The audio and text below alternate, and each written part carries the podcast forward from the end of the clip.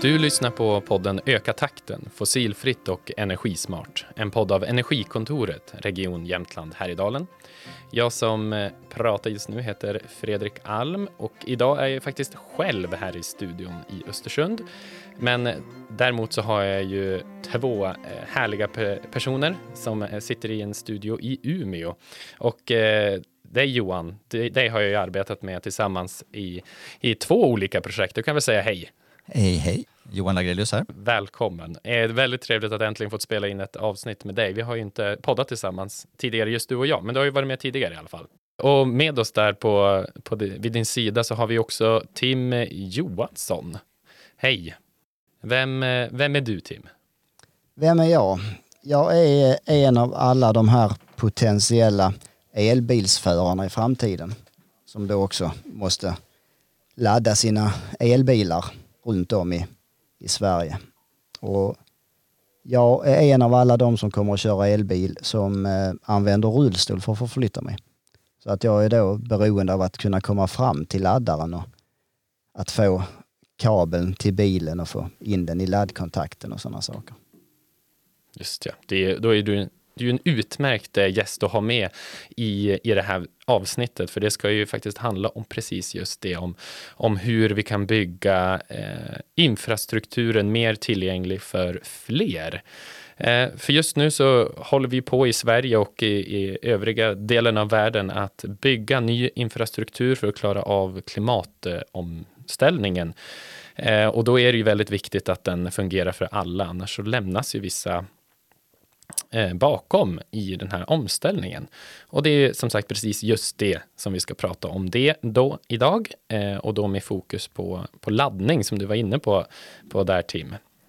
Um, och du och jag Johan, vi arbetar ju tillsammans i, i Sisil som vi förkortar det till, Stolpe inför stad och land. Och eh, vi jobbar ju för att eh, få till en bättre laddinfrastruktur och öka förutsättningarna för att köra laddbart i både Västernorrland och i Jämtland. Ehm, men min fråga till dig då, som har varit med sedan tidernas begynnelse egentligen i det här projektet, eh, Johan. Hur, hur började vi ens arbeta med, med den här frågan? För det har vi faktiskt gjort eh, ända sedan starten där 2018. Det får mig känna så gammal, eh, Fredrik. Men eh, ja, nej, men vi, vi, vi drog igång det här projektet, eller med att ansöka det projektet 2018, eh, så det är ju ganska länge sedan. Och eh, eh jag skrev ju ansökan tillsammans med en väldigt smart person som heter Moa Breivik eh, som jobbar på Region Jämtland Härjedalen och jobbat i projektet under första tiden. Och hon var en av de som såg till att, att vi fick med när tillgänglighetsperspektivet och skrev in som ett av våra mål att vi vill att det ska byggas fler laddplatser och att de laddplatserna ska vara tillgängliga för alla. Och det gjorde att vi fick, hade ögonen på den här aspekten redan när vi startade projektet och det gjorde också att vi började faktiskt att titta på det här i Umeå redan innan projektet drog igång. Och det var då jag kom i kontakt med Tim här och vi började titta hur det ser ut i Umeå där vi ja, bara gick ut och inventerade och började titta hur det såg ut. Och eh, det är därifrån vi har tagit det. Liksom. Ja, om man vänder sig då till Tim där eh, i Umeå där, hur, om när vi pratar om liksom en, en tillgänglig laddplats, vad, vad skulle du säga, att liksom, vad, vad pratar vi om då för någonting? Vad är det? En tillgänglig laddplats, det är en laddplats där jag kommer få ström i mitt batteri i bilen. Då, då, då är den tillgänglig. Och det som är tillgängligt för mig är ju naturligtvis inte tillgängligt för andra. Det, det beror helt och hållet på vilka, vilka behov och vilka förutsättningar man har. Ehm, jag använder ju rullstol. Så att jag är ju väldigt beroende av att det inte finns några kanter eller påkörningsskydd och att det är tillräckligt väl skottat fram till själva laddkabeln. Men om du till exempel har en, eh, en whiplash-skada, då, då kanske det är extra viktigt att du har en, en upphängning av kabeln så att du inte behöver släpa en tung kabel. Det, det är ju även något som är, kan vara viktigt för många äldre personer. När man kommer upp i 80, 85 års ålder kanske har dåliga armbågar, axlar, höfter, knän. Så kan en sån sak, då, då, då, då kanske man kan kliva i en liten snödriva. Men man har kanske inte möjlighet att faktiskt få med sig kabeln. Nej, precis. Det är ju verkligen en, en universell fråga kan man väl säga. Och, och eh, man kan ju ha olika behov olika delar av livet eh, också av mer tillgänglighet. Absolut. Eh, en gravid kvinna till exempel har kanske ganska svårt att släpa med sig en tung kabel under vissa delar av graviditeten. Och som sagt, äldre personer har inte lika lätt som en, en 25-åring. Och en väldigt vältränad fotbollsspelare eller hockeyspelare som har dragit av ett korsband och går på kryckor efter en operation kan jag välja problem att komma fram till en laddare om det inte är fritt på marken och det ligger en massa kablar i vägen som de ska kliva över med kryckor och grejer. Så att det här med tillgänglighet, det är liksom ingenting som handlar om, om handikapptillgänglighet eller funktionshinder tillgänglighet utan det, det, det, det är någon sorts tillgänglighet för alla människor. Och de, de behoven ser olika ut för olika människor och de ser olika ut i olika skeden av livet, precis som du säger. Man pratar om det som kallas för universell utformning, att man utformar saker på ett sådant sätt så att det ska vara bra för alla. Inte att det är som anpassat särskilt för en viss typ av, av behov eller, eller så, utan att det ska vara en grundutformning som gör att den funkar bra om du är lång eller kort eller stark eller svag, eh, att, det, att den har en god grundutformning för alla. Och det är ju någonting som är inskrivet i, i som en grundprincip som ska gälla i, i, lagen. Visst är det så, Tim? Så kan det nog vara i många, i många lägen. Sen inbillar jag mig också att det, det blir ju såklart billigare att bygga rätt från början istället för att antingen som du säger göra speciella laddplatser för vissa ganska små befolkningsgrupper eller att, eh, att helt enkelt vara tvungen att bygga om efter ett litet tag när man har byggt fel. Det kostar ju jättestora pengar. Men eh, att, att bygga rätt från början.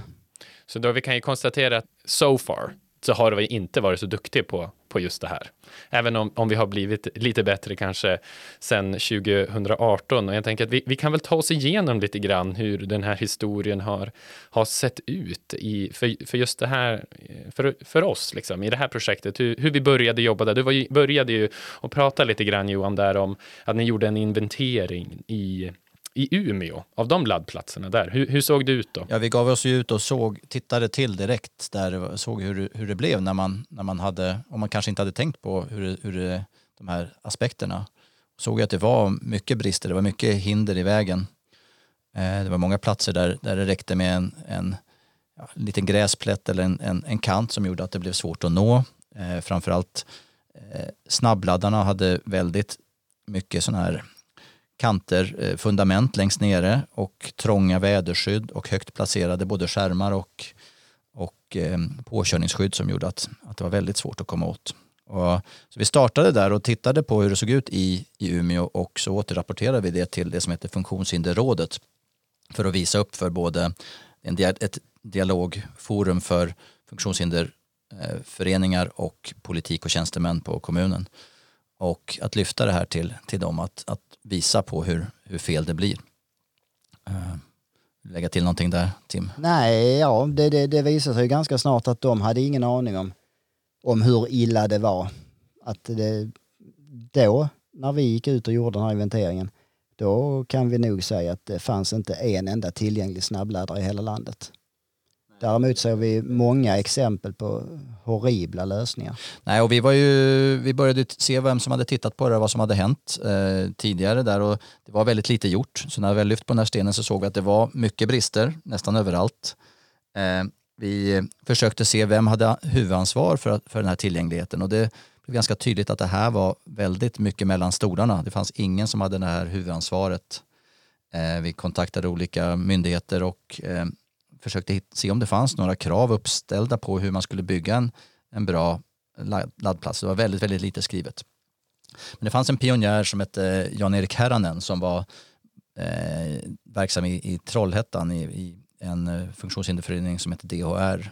Och han hade gjort lite pionjärresor, åkt med sin fossildrivna bil och tittat på hur det såg ut på laddstationer längs en, en tänkt långresa ifrån Trollhättan till upp till eh, Oslo respektive till Malmö och sen till även över till eh, eh Almedalen och dokumenterade hur dåligt det var ställt och bloggade om det här. Så han var en av dem som var tidiga på det här. Och, eh, vi samarbetade en del med honom i början och när vi hade en slutkonferens på ett annat projekt så åkte han ända ifrån Trollhättan ända upp till Skellefteå och tittade på alla snabbladdare längs vägen. Och såg att på de här 30 plus snabbladdarna så var det ingen som hade en riktigt god eller tillräckligt bra tillgänglighet. Och där efter något år då när vi hade jobbat och tittat på det där då, då, då peppade vi honom också att eh, göra en eh, anmälan till diskrimineringsombudsmannen, DO, eh, för att visa upp det här och tyvärr så togs inte den anmälan vidare. Och eh, där någonstans var, eh, det var under första, första delen av, av vårt projekt. Vi var också runt mycket och försökte påverka de som eh, gör laddstationer och satte upp laddplatser, eh, bland annat på elbilsmässan och gick runt och missionerade där. Men någonstans där i, i den här frustrationen över att inte ens en DO-anmälan räckte, då blev det så att Eh, Tim och jag och några andra startade upp, eh, fortsatte träffas och startade som ett nätverk. Så nu har vi startat, eh, sedan två år drygt tillbaka så har vi ett nätverk som heter Nätverket för tillgängliga laddplatser. Om man stannar där lite innan vi går in på just nätverket. Vi har en fråga som dyker upp liksom i mitt huvud. Det är, ja, men nu pratar vi laddplatser, men hur då Tim, liksom, hur tillgängliga är liksom andra drivmedel, skulle du säga? ur, ur de här aspekterna? Finns det liksom an, ser man det här på ett annat sätt då? Eh, bensin och dieselpumpar är mycket mer tillgängliga än, än laddplatser. Jag tankar ju min dieseldrivna bil varenda gång. Och det, det är sällan några problem på bemannade stationer. Där, där når man eh, slangen och pistolen och det går bra att gå in och betala det är tillräckligt mycket plats för att parkera bilen och komma mellan, mellan pumpen och bilen och sådär. Där kan man väl också säga att på de platser där det har varit sämre tillgänglighet så har man också lappat lite grann med att man har haft snabbfotad personal som har kunnat hjälpa till på de bemannade platserna. Men när det gäller snabbladdning så är det inte alltid som den snabbladdaren är på en plats där det, där det är bemannat. Eh, vilket gör att det, ytterligare, det finns inte en möjlighet för en person att hjälpa till där. Och dessutom så är ju alla alla bensin och dieselpumpar i princip är ju under tak. Men det är få snabbladdare som är under tak. Så att det innebär ju att eh, vintertid kan du vara säker på att du kommer inte att kunna ladda. För snöröjningen fungerar risigt, minst sagt kring de här snabbladdarna. Så det borde finnas ändå lite inspiration då att hämta från de fossila kusinerna då. Eh, men om vi går tillbaka till det här eh, nätverket då som, som startades där efter den här DO-anmälan. Hur eh, det, det, finns ju inte bara i, i Jämtland och Västernorrland, eller, eller hur Johan? Nej, det där har ju blivit ett, ett nationellt nätverk som har växt lite organiskt och det är öppet för alla att, att vara med i det. Och det, är, det är både representation från funktionshinderföreningar, vi har länsstyrelser, kommuner, sådana som, eh, personer som jobbar som tillgänglighetsansvariga på kommunerna till exempel och eh, även Trafikverket och eh, laddoperatörer och flera olika, olika deltagare där som är ändå jobbar med frågan på lokal, regional eller nationell nivå. Och det där, den där kraftsamlingen har ju både, det har både inspirerat oss i vårt arbete och sen hjälpt oss att sprida arbetet till till andra delar av, av landet och tycker att vi har fått bättre och bättre gehör för frågan. Eh, vi har fått, haft många bra dialoger med till exempel eh, Energimyndigheten och Trafikverket som har varit lyhörda i, i frågan och sett till att den förs vidare bland annat så att det har kommit med en del krav i Boverkets nya regler kring laddplatser vid byggnader. Eh, det har kommit med kanske framför allt eh, krav på på tillgänglighet vid eh, de utlysningar som gäller laddplatser som får finansiering från Klimatklivet. Det som kallas för Trafikverket hade ett stöd för snabbladdare längs större vägar. Och nu sist så nu är det också ehm, så är Klimatklivet, det har jag sagt. Jo, och sen så är det också eh, den, den, tunga trafiken. Där har man jobbat med regionala elektrifieringspiloter. Och där finns det också krav på tillgänglighet. Så där har det funnits krav, men, men grundproblemet är att det inte finns några ingen, inga grundkrav som är, gäller för alla det här är bara de där man får, får stöd ifrån eh, investeringsstöd som eh, kommer från skattepengar. Eh, de andra har det varit sämre med, med kraven. Och, Just det, och då, ja precis, och det, jag tänker att du kanske skulle ha kommit in på det nu där Johan, om eh, ett av syften också med just nätverket, eller kanske det som man, som jag tolkade som man identifierade där, det var ju att man ville få till en, en utredning som egentligen pe eh, pekar ut kanske en instans som är ansvarig för de här frågorna eller så. Och den blev ju faktiskt av. Ja, ja men det var ju, det var ju den, den första frågan vi samlades kring, eller, eller det första stora behovet vi såg att vi skulle behöva driva vidare, att få ihop, samla upp pengar för att kunna genomföra en, eh, en utredning som handlade om att visa på blottorna eh, i eh, ansvarsområden. Att visa vilka ansvarsområden som fanns inom tillgänglighetsområdet och kring laddinfrastrukturen och visa på de, de brister och blotter som fanns i det som gjorde att det lätt blev otillgängligt byggt vid laddplatser och gärna då också peka ut en rekommendation kring vilken myndighet eller instans som borde ha det här typet av hel, helhetsansvar och även till, tillsynsansvaret för att se till att det blir rätt byggt. Och den blev av nu för ja, förra sommaren och har då också spelats in till Energimyndigheten och eh, Trafikverket som är eh, också faktiskt nu under hösten då bad om inspel eh, kring det regeringsuppdrag som de har kring att, att ta fram en handlingsplan för utbyggnad av eh, laddinfrastruktur och eh, infrastruktur för vätgas, eh, tank, tankning med mera.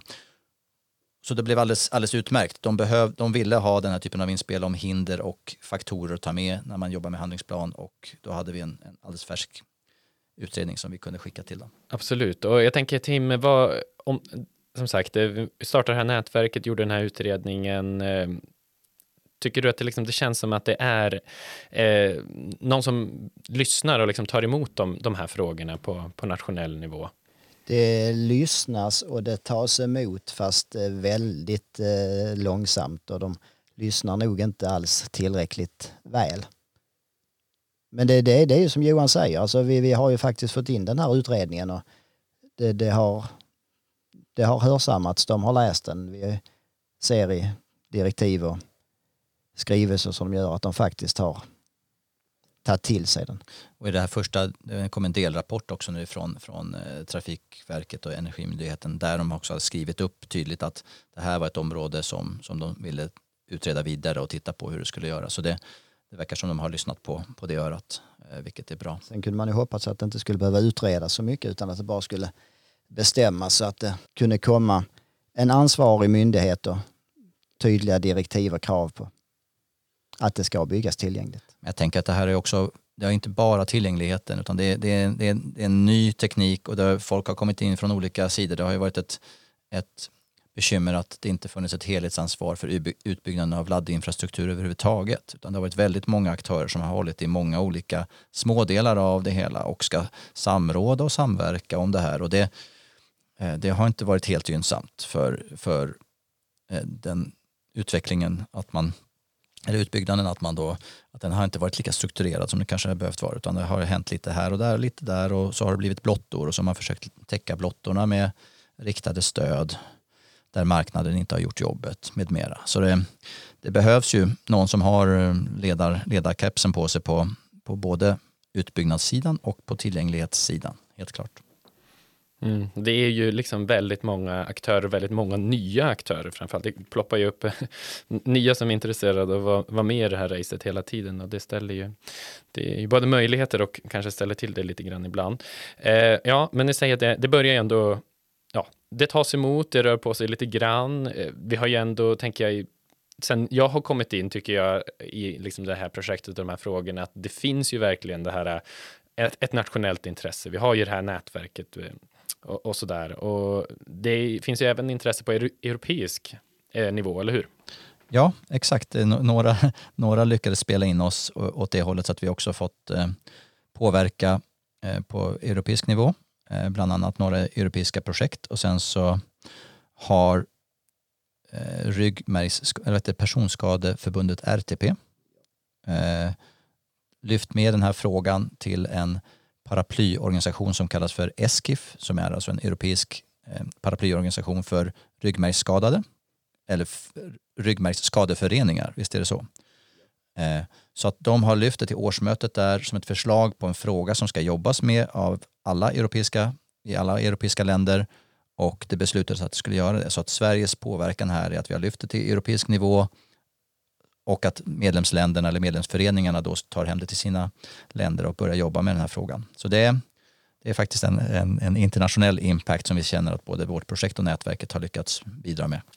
Jag tycker det är superhäftigt att få vara eh, med om liksom den här resan ändå och liksom verkligen eh, lyfta den här frågan på, på det här viset. Eh, som sagt, som du nämnde där Johan, det har ju ändå eh, kommit med krav i olika statliga utlysningar. Det rör på sig lite grann eh, även på europeisk nivå. Eh, och så har jag också fått eh, med mig att det har byggts en helt tillgänglig laddplats i Göteborg och eh, Falköping, eller hur? Jag vet inte Tim, om du har något mer? Det, det var, eh, I Göteborg så var det ett samarbete mellan eh, Göteborg Energi och eh, den här föreningen RTP, deras lokalavdelning, som fick kontakt och de kom överens om att vi ska bygga en helt tillgänglig snabbladdare. Och det gjordes. Och det krävdes inte speciellt mycket utöver vad de hade tänkt att göra från början. De behövde bredda platsen, de behövde förlänga den lite grann och så behövde de se till så att fundamentet som de gjuter, som, som den här själva laddenheten står på, att den var i nivå med marken. Det var i princip det som gjordes. Eh, det har nu även kommit ett tak över den där laddaren. Mm. De såg till att det var ett rymligt tak som inte då var en, blev en barriär som inte var varken framför eller utan det var öppet och bra. Mm. Sen så var det en annan grej som vi Ja det och sen så var det, det var, det var kul, det var, en, eh, det var också en, en trafikingenjör från Falköping som också var väldigt lyhörd och hittade nätverket och fick, fick hjälp att, att hitta en bra lösning för när han skulle bygga eh, laddplatser vid resecentrum där. Eh, så vi, där hjälpte nätverket till med, med kommentarer och, och, på ritningar och så, så att det blev en väldigt bra lösning. Så det, det är flera samarbeten som vi har kunnat vara med och, och förmedla hjälp och jag tycker att fler och fler laddoperatörer vaknar för frågan och vill gärna ha hjälp av användare att titta på hur funkar det här? Nu försöker vi göra den här anpassningen. Eh, har ni någon i nätverket som skulle kunna hjälpa oss att testa och titta och vara med vid vår vår, när vi har gjort den här nya sättet att utforma det, att hur bra är det här egentligen eh, och vill, vill göra rätt. Eh, vi har också nyss fått nys om att, att det är branschstandard på gång. Eh, energiföretagen i Sverige tillsammans med Mobility Sweden och ehm, eh, Drivkraft Sverige heter det va? Ehm, både, alltså både mackar, laddoperatörer och energiproducerande eh, företag tillsammans tittar på möjligheter att att starta upp ett arbete för en, en, en branschstandard så att man kommer överens om bra sätt att, att göra det här. För det, det stora striden vi har just nu ska jag väl säga är att det finns inga riktigt bra ställen att, att, få in den här, visa upp den goda utformningen. Eh, vi har försökt få in det via Trafikverkets VGU som är vägar och gators utformning och där platsar inte heller precis. Boverket, de ska ha ganska strikta krav och då gäller det vad, vad har de mandat att agera och det är ofta ganska nära byggnader och då kanske det inte gäller ute på, bland vägarna eller på hörnet av en, en, en mack utan det behöver det är fint om det kommer från en standardiseringsorganisation eller en bransch liksom, som faktiskt tar i frågan och, och skapar en bra grund om god utformning. Mm. För vad ska man liksom, eh, i den här utredningen och som vi ändå gjorde i, i projektet och eh, så där, jag, jag, tänker, frågor som dyker upp är som, men varför är det så svårt att liksom få till någonting? Och jag tänker att en del har väl att göra med till exempel att, ja, men om bygger du en snabbladdare idag, du behöver kanske inget bygglov, till exempel. Och i bygglov kan man ju ställa krav. Eh, så, så, att det, det är sådana där saker som är en liten utmaning. Ja, det har ju funnits i, i, inte ett laglöst land, men i ett kravlöst land. Och ställer man inte krav som följs upp längs en process, då dels så har man, är det stor risk att man har glömt att tänka på den här aspekten. Eh, att det är alltså en blind fläck. Och sen i och med att det inte följs upp så är det så många inblandade i en, en byggprocess. Någon som gräver, någon som gjuter och någon som sätter upp en, en laddbox på den höjd som den tycker är lämpligt. Finns det ingen instruktion om vad som är en god installation eller ett krav på hur installationen ska genomföras, då är det stor risk att man har att det blir som man brukar göra eller att det bara blir som den som utför jobbet har tänkt att men det här är väl bra nog. Och då är det snabbt så att, att det blir på ett sätt som gör det otillgängligt. Det, det kan till och med vara på det viset att, eh, att eh, tillverkarna av eh, själva laddenheten har, har faktiskt instruktioner för hur till exempel fundamentet ska se ut. Men det, den som gjuter fundamentet vet inte om att de instruktionerna ens finns. Så att då, då, då gjuter de ett fundament som kanske är 15 cm högt. Och så har tillverkaren sagt att Nej, men den här laddstationen har ett inbyggt påkörningsskydd så den ska ha ett fundament som ligger i mm. marknivå. Eller tvärtom, att, att det står att man ska gjuta upp så här mycket för att garantin ska gälla. För så är det på några ställen också. Och då blir det så att ja, då måste man antingen vara framåt och säga, höra av sig till en, den här Eh, tillverkaren och säga okej, okay, om jag gjuter i mark, gäll, jag vill ha papper på att det gäller då också. Men eh, då måste man också då måste man vara väldigt framåt och tänkt på det området för att ens ha ställt sig själv frågan varför ska det vara en, en två decimeters sockel som man gjuter på ovanpå för då blir allting för högt upp. Mm. Och när vi ändå är inne på det här, tänker jag, med utformning och kanter och allting. Man behöver ju inte eh, vara helt i blindo när man ska bygga. Vi har ju faktiskt tagit fram eh, en tillgänglighetsguide eh, ju i projektet. Eh, så att, som man kan titta och eh, ta del av. Och jag tänker att vi ska lägga, den här finns ju på våran, på våran hemsida på biofuelregion.se slash eh, tillgänglighet. Men jag tänker att vi lägger den också i, i avsnittsbeskrivningen så att man kan hitta, hitta lätt eh, till den. Och där finns det ju både tips och eh, illustrationer, eh, både i skriven form och eh, som sagt i, i bilder på, på hur man ska kan tänka och göra för att göra den mer eh, tillgänglig helt enkelt. Um, och har man byggt eh, tokigt så kan man ju alltid göra, göra om och göra rätt. Och vi har ju tagit fram en, eh, en sån guide också för, för anpassningar sådär i efterhand. Ja, den är på, den är på gång, den är inte, inte riktigt klar. Den är på gång. Så man får liksom hålla utkik och uppdatera vår hemsida en gång per dag tills den kommer dit, eller hur? Jo, nej, men jag har försökt samla mycket av det, det goda material som vi har, eller de kunskaper som vi har, har samlat på en, en, en del hemsida där som, som, som vi skickar ut länken här nu. Ja, ja absolut. Eh, och då tänkte jag så här, vi kan väl ta de fem viktigaste punkterna och grejer att tänka på vid den här utformningen. Eh, ni har ju redan pratat ganska mycket om kantstenar och, och påkörningsskydd och det brukar vi kalla för då barriärfri laddning. Eh, och varför är det viktigt om vi summerar det? Ja, har du en kant som är 15 eller 20 centimeter hög så, så kommer du helt enkelt upp på den och, eh, och når kabeln som du behöver ha tag i för att för att kunna ta med den till din bil. Och har du påkörningsskydd som sitter så tätt så att man inte kommer mellan dem, då, då når du inte fram till laddaren då heller. Så att det är helt enkelt en, en fysisk utestängning. Och det kan ju då handla om personer i rullstol, men det kan ju handla om folk som har svårt att gå. Sen så en, en viktig aspekt är ju höjden på reglage och eh, skärm och laddhandtag. Och då är det väl, man ska för, målet är att man inte ska hamna över axelhöjd om man sitter i en rullstol ur en sittande position. Och då är en, en god höjd att ha det här på någonstans mellan 80 till 100 centimeter över, över den yta man, där, där laddaren står. Eh, och det finns en absolut maxhöjd på 120 centimeter. Eh, men då, då är man och jobbar över axelhöjd på ganska många. Eh, så det, det är nummer två att man ska kunna manövrera allt man behöver röra vid för att, att få igång laddningen ska ju vara, gärna vara mellan 80 och 100 centimeter över backen. Mm. Och så har vi då, tänker jag, punkt eh, nummer tre som vi också har, har ändå varit inne och pratat en del om, som du sa Tim, där var ju bra på mackar kanske där du kan tanka bensin och diesel, alltså utrymmet eh, runt fordon. Ja, det måste ju finnas tillräckligt mycket plats så att man kan röra sig.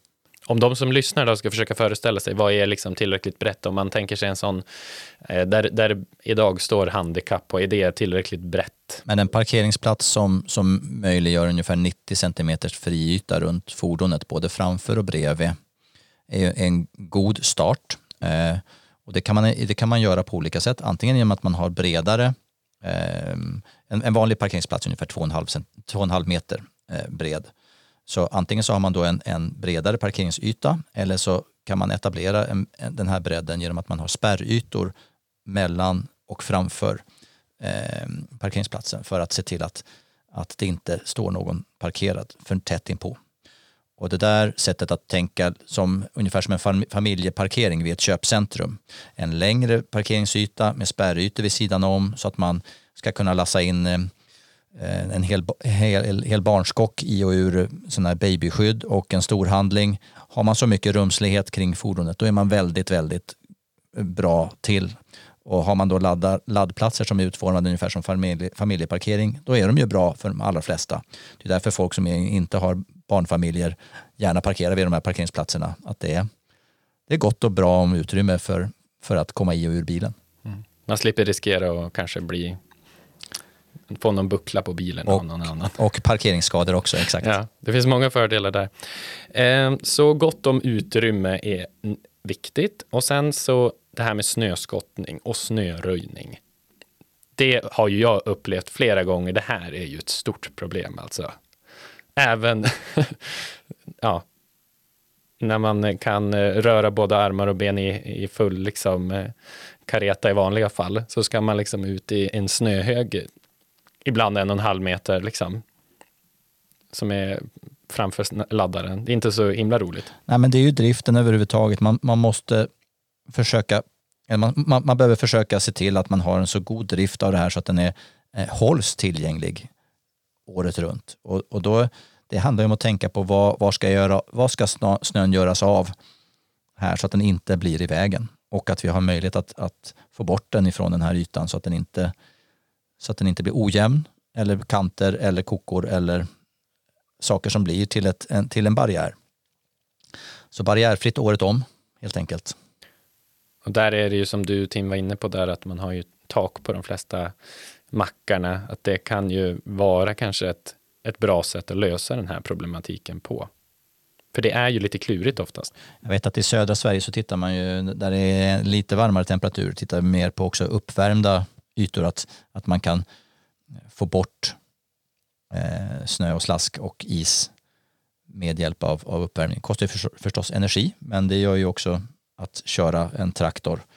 Eh, så det, det är en grej. Sen är det andra aspekter som vi du också varit in på att, att det här med kabelhanteringen är ju en, en, en stökig grej. Inte minst om man också ska manövrera en, en rullstol.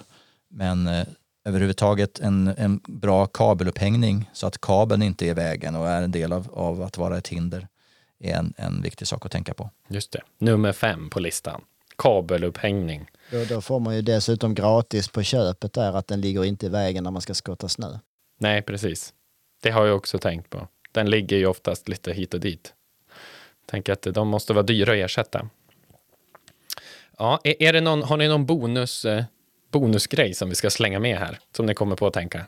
Nej, det brukar ju oftast annars vara det här med valet av laddstation, att man ser till att, att den laddstation man köper har en, är, har en god synergonomi också, eller att, att den inte använder bara eh, färgkombinationer eh, för att berätta om laddstatus. Det är ganska många som har en, en, ett nedsatt färgseende och inte sällan så kan det vara att det bara är grön eller rött ljus som ska säga om hur laddningen fungerar och då kan det vara svårt att avläsa om man har nedsatt färgseende. Så det är, ligger på checklistan på inköp av, av laddboxar att man ska även kunna avläsa laddstatus eh, utan eh, om man har ett sämre färgseende.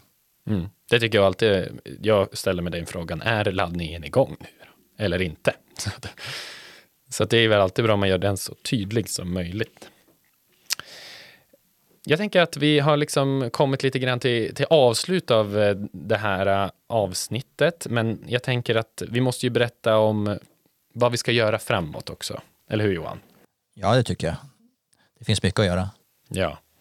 Vad, vad har vi på gång för egentligen? Ja, men jag vill nämna några roliga grejer som verkar vara på gång där med, med branschstandard. Men det är också kul att vi har, har flera nya projekt på gång. Eh, det är två nya projekt som är startat av ett designinstitut tror jag med, som heter Boyd i Göteborg som jobbar också med tillgänglighet vid laddplatser. Och, så de startar sitt arbete nu eh, och även vårt projekt tänker på fortsättningen så vi har just skickat in en ansökan om ett nytt projekt som ska löpa på tre år om vi får det finansierat. Eh, och där har vi tänkt att vi också ska bredda lite grann så att vi ska titta på inkluderande drivmedelsstationer så att vi inte bara är på laddstationer utan att vi ser till att tankstationer för nya drivmedel som, som vätgas och eh, i, i viss mån biogas där man, där man inte haft eh, alla, alla nya nybyggda drivmedelsstationer, att, att man tänker på det här så att man har, det blir tillgängligt för alla när vi bygger en, en infrastruktur som ska stå 15 plus år framåt. Eh, det som har tickat på redan nu ganska mycket är ju också de tunga transporterna. Eh, vi är med i en sån här elektrifieringspilot och där kommer eh, den tunga trafikens utmaningar vid elektrifieringen är någonting som kommer jobbas med de, de närmaste åren framåt och att se till att även de laddplatserna byggs eh, tillgängligt. Men i övrigt så är det ju också, det vi vi välkomnar ju fler in i nätverket. Det tycker att det är kul. Det är fler som hittar till oss och är intresserade av att jobba med frågan. Så eh, det är som sagt öppet för alla att vara med. Så det är bara att kontakta mig. Jag tror vi skickar kanske med mina kontaktuppgifter också. Kontakt om man vill vara med eh, och jobba med, med den här frågan. Vi träffas några gånger per, per termin eller varannan månad ungefär så där, så det är inte super, super tajt. Mm. Jag tänker att vi lägger, vi lägger alla kontaktuppgifter man behöver i avsnittsbeskrivningen eh, ifall man vill vara med i, i avsnittet. Eller inte avsnittet, men det får man ju också vara med i podden såklart om man har något sånt. Men nu, just nu tänkte jag på, på nätverket såklart. Eh, jag tänkte att vi glömde ju nämna den här roliga nyheterna eh, om Janne. Janne som hade så problem med att åka. Inte bara Janne utan utan flera av våra, våra kompisar som har varit med längs vägen så är, har, som sitter i rullstol har nu faktiskt valt att köpa elbil det har kommit så långt med, eh, med både bilar och sådär att man vågar ta steget. Och, så Janne han har äntligen köpt sin Tesla och har varit på långresa redan. Han har kört ifrån eh, från Trollhättan ända upp till, till Jokkmokk och varit med på Tesla-möten och kört på is och kört hur många mil som helst nu och är supernöjd med att han äntligen kan få köpa, köra elbil. Ja, det är ju fantastiskt. Eh, jag tänker att jag ska bara vända mig till dig Tim. Har du något sista medskick eller någonting du vill säga som vi, som vi har glömt att, att prata om innan vi säger tack och hej för den här gången? Nej, jag tror att vi har fått med de viktigaste sakerna här. Mm. Så bra. Eh, jag tänker också att de, om de som lyssnar, om de har funderingar kring tillgängliga laddare så har vi ju dels den här guiden, men sen kan man ju alltid kontakta oss och för att prata om de här frågorna. Eh, och det absolut enklaste är ju att mejla till energikontoret regionjh.se så plockar vi upp dina frågor och funderingar där och hjälper dig på bästa sätt. Eh, men då tänker jag att vi, vi avslutar där så får man eh, gå tillbaka till, till sina huvuduppdrag. Jag tänkte skita i det och ut i längdspåret istället, för det har ju kommit snö här under natten. Så det tänkte jag göra. Och med det så vill jag bara säga eh, tack för idag Johan och eh, Tim för att ni var med här och pratade om de här viktiga frågorna. Men innan jag lämnar så måste jag säga vilka som har finansierat det här avsnittet. Och eh, det är ju Europeiska regionala utvecklingsfonden, Region Jämtland Härjedalen, Region Västernorrland, Länsstyrelsen Västernorrland, Biofuel Region, Länsstyrelsen Jämtland, HEMAB Kramfors kommun och Sollefteå kommun.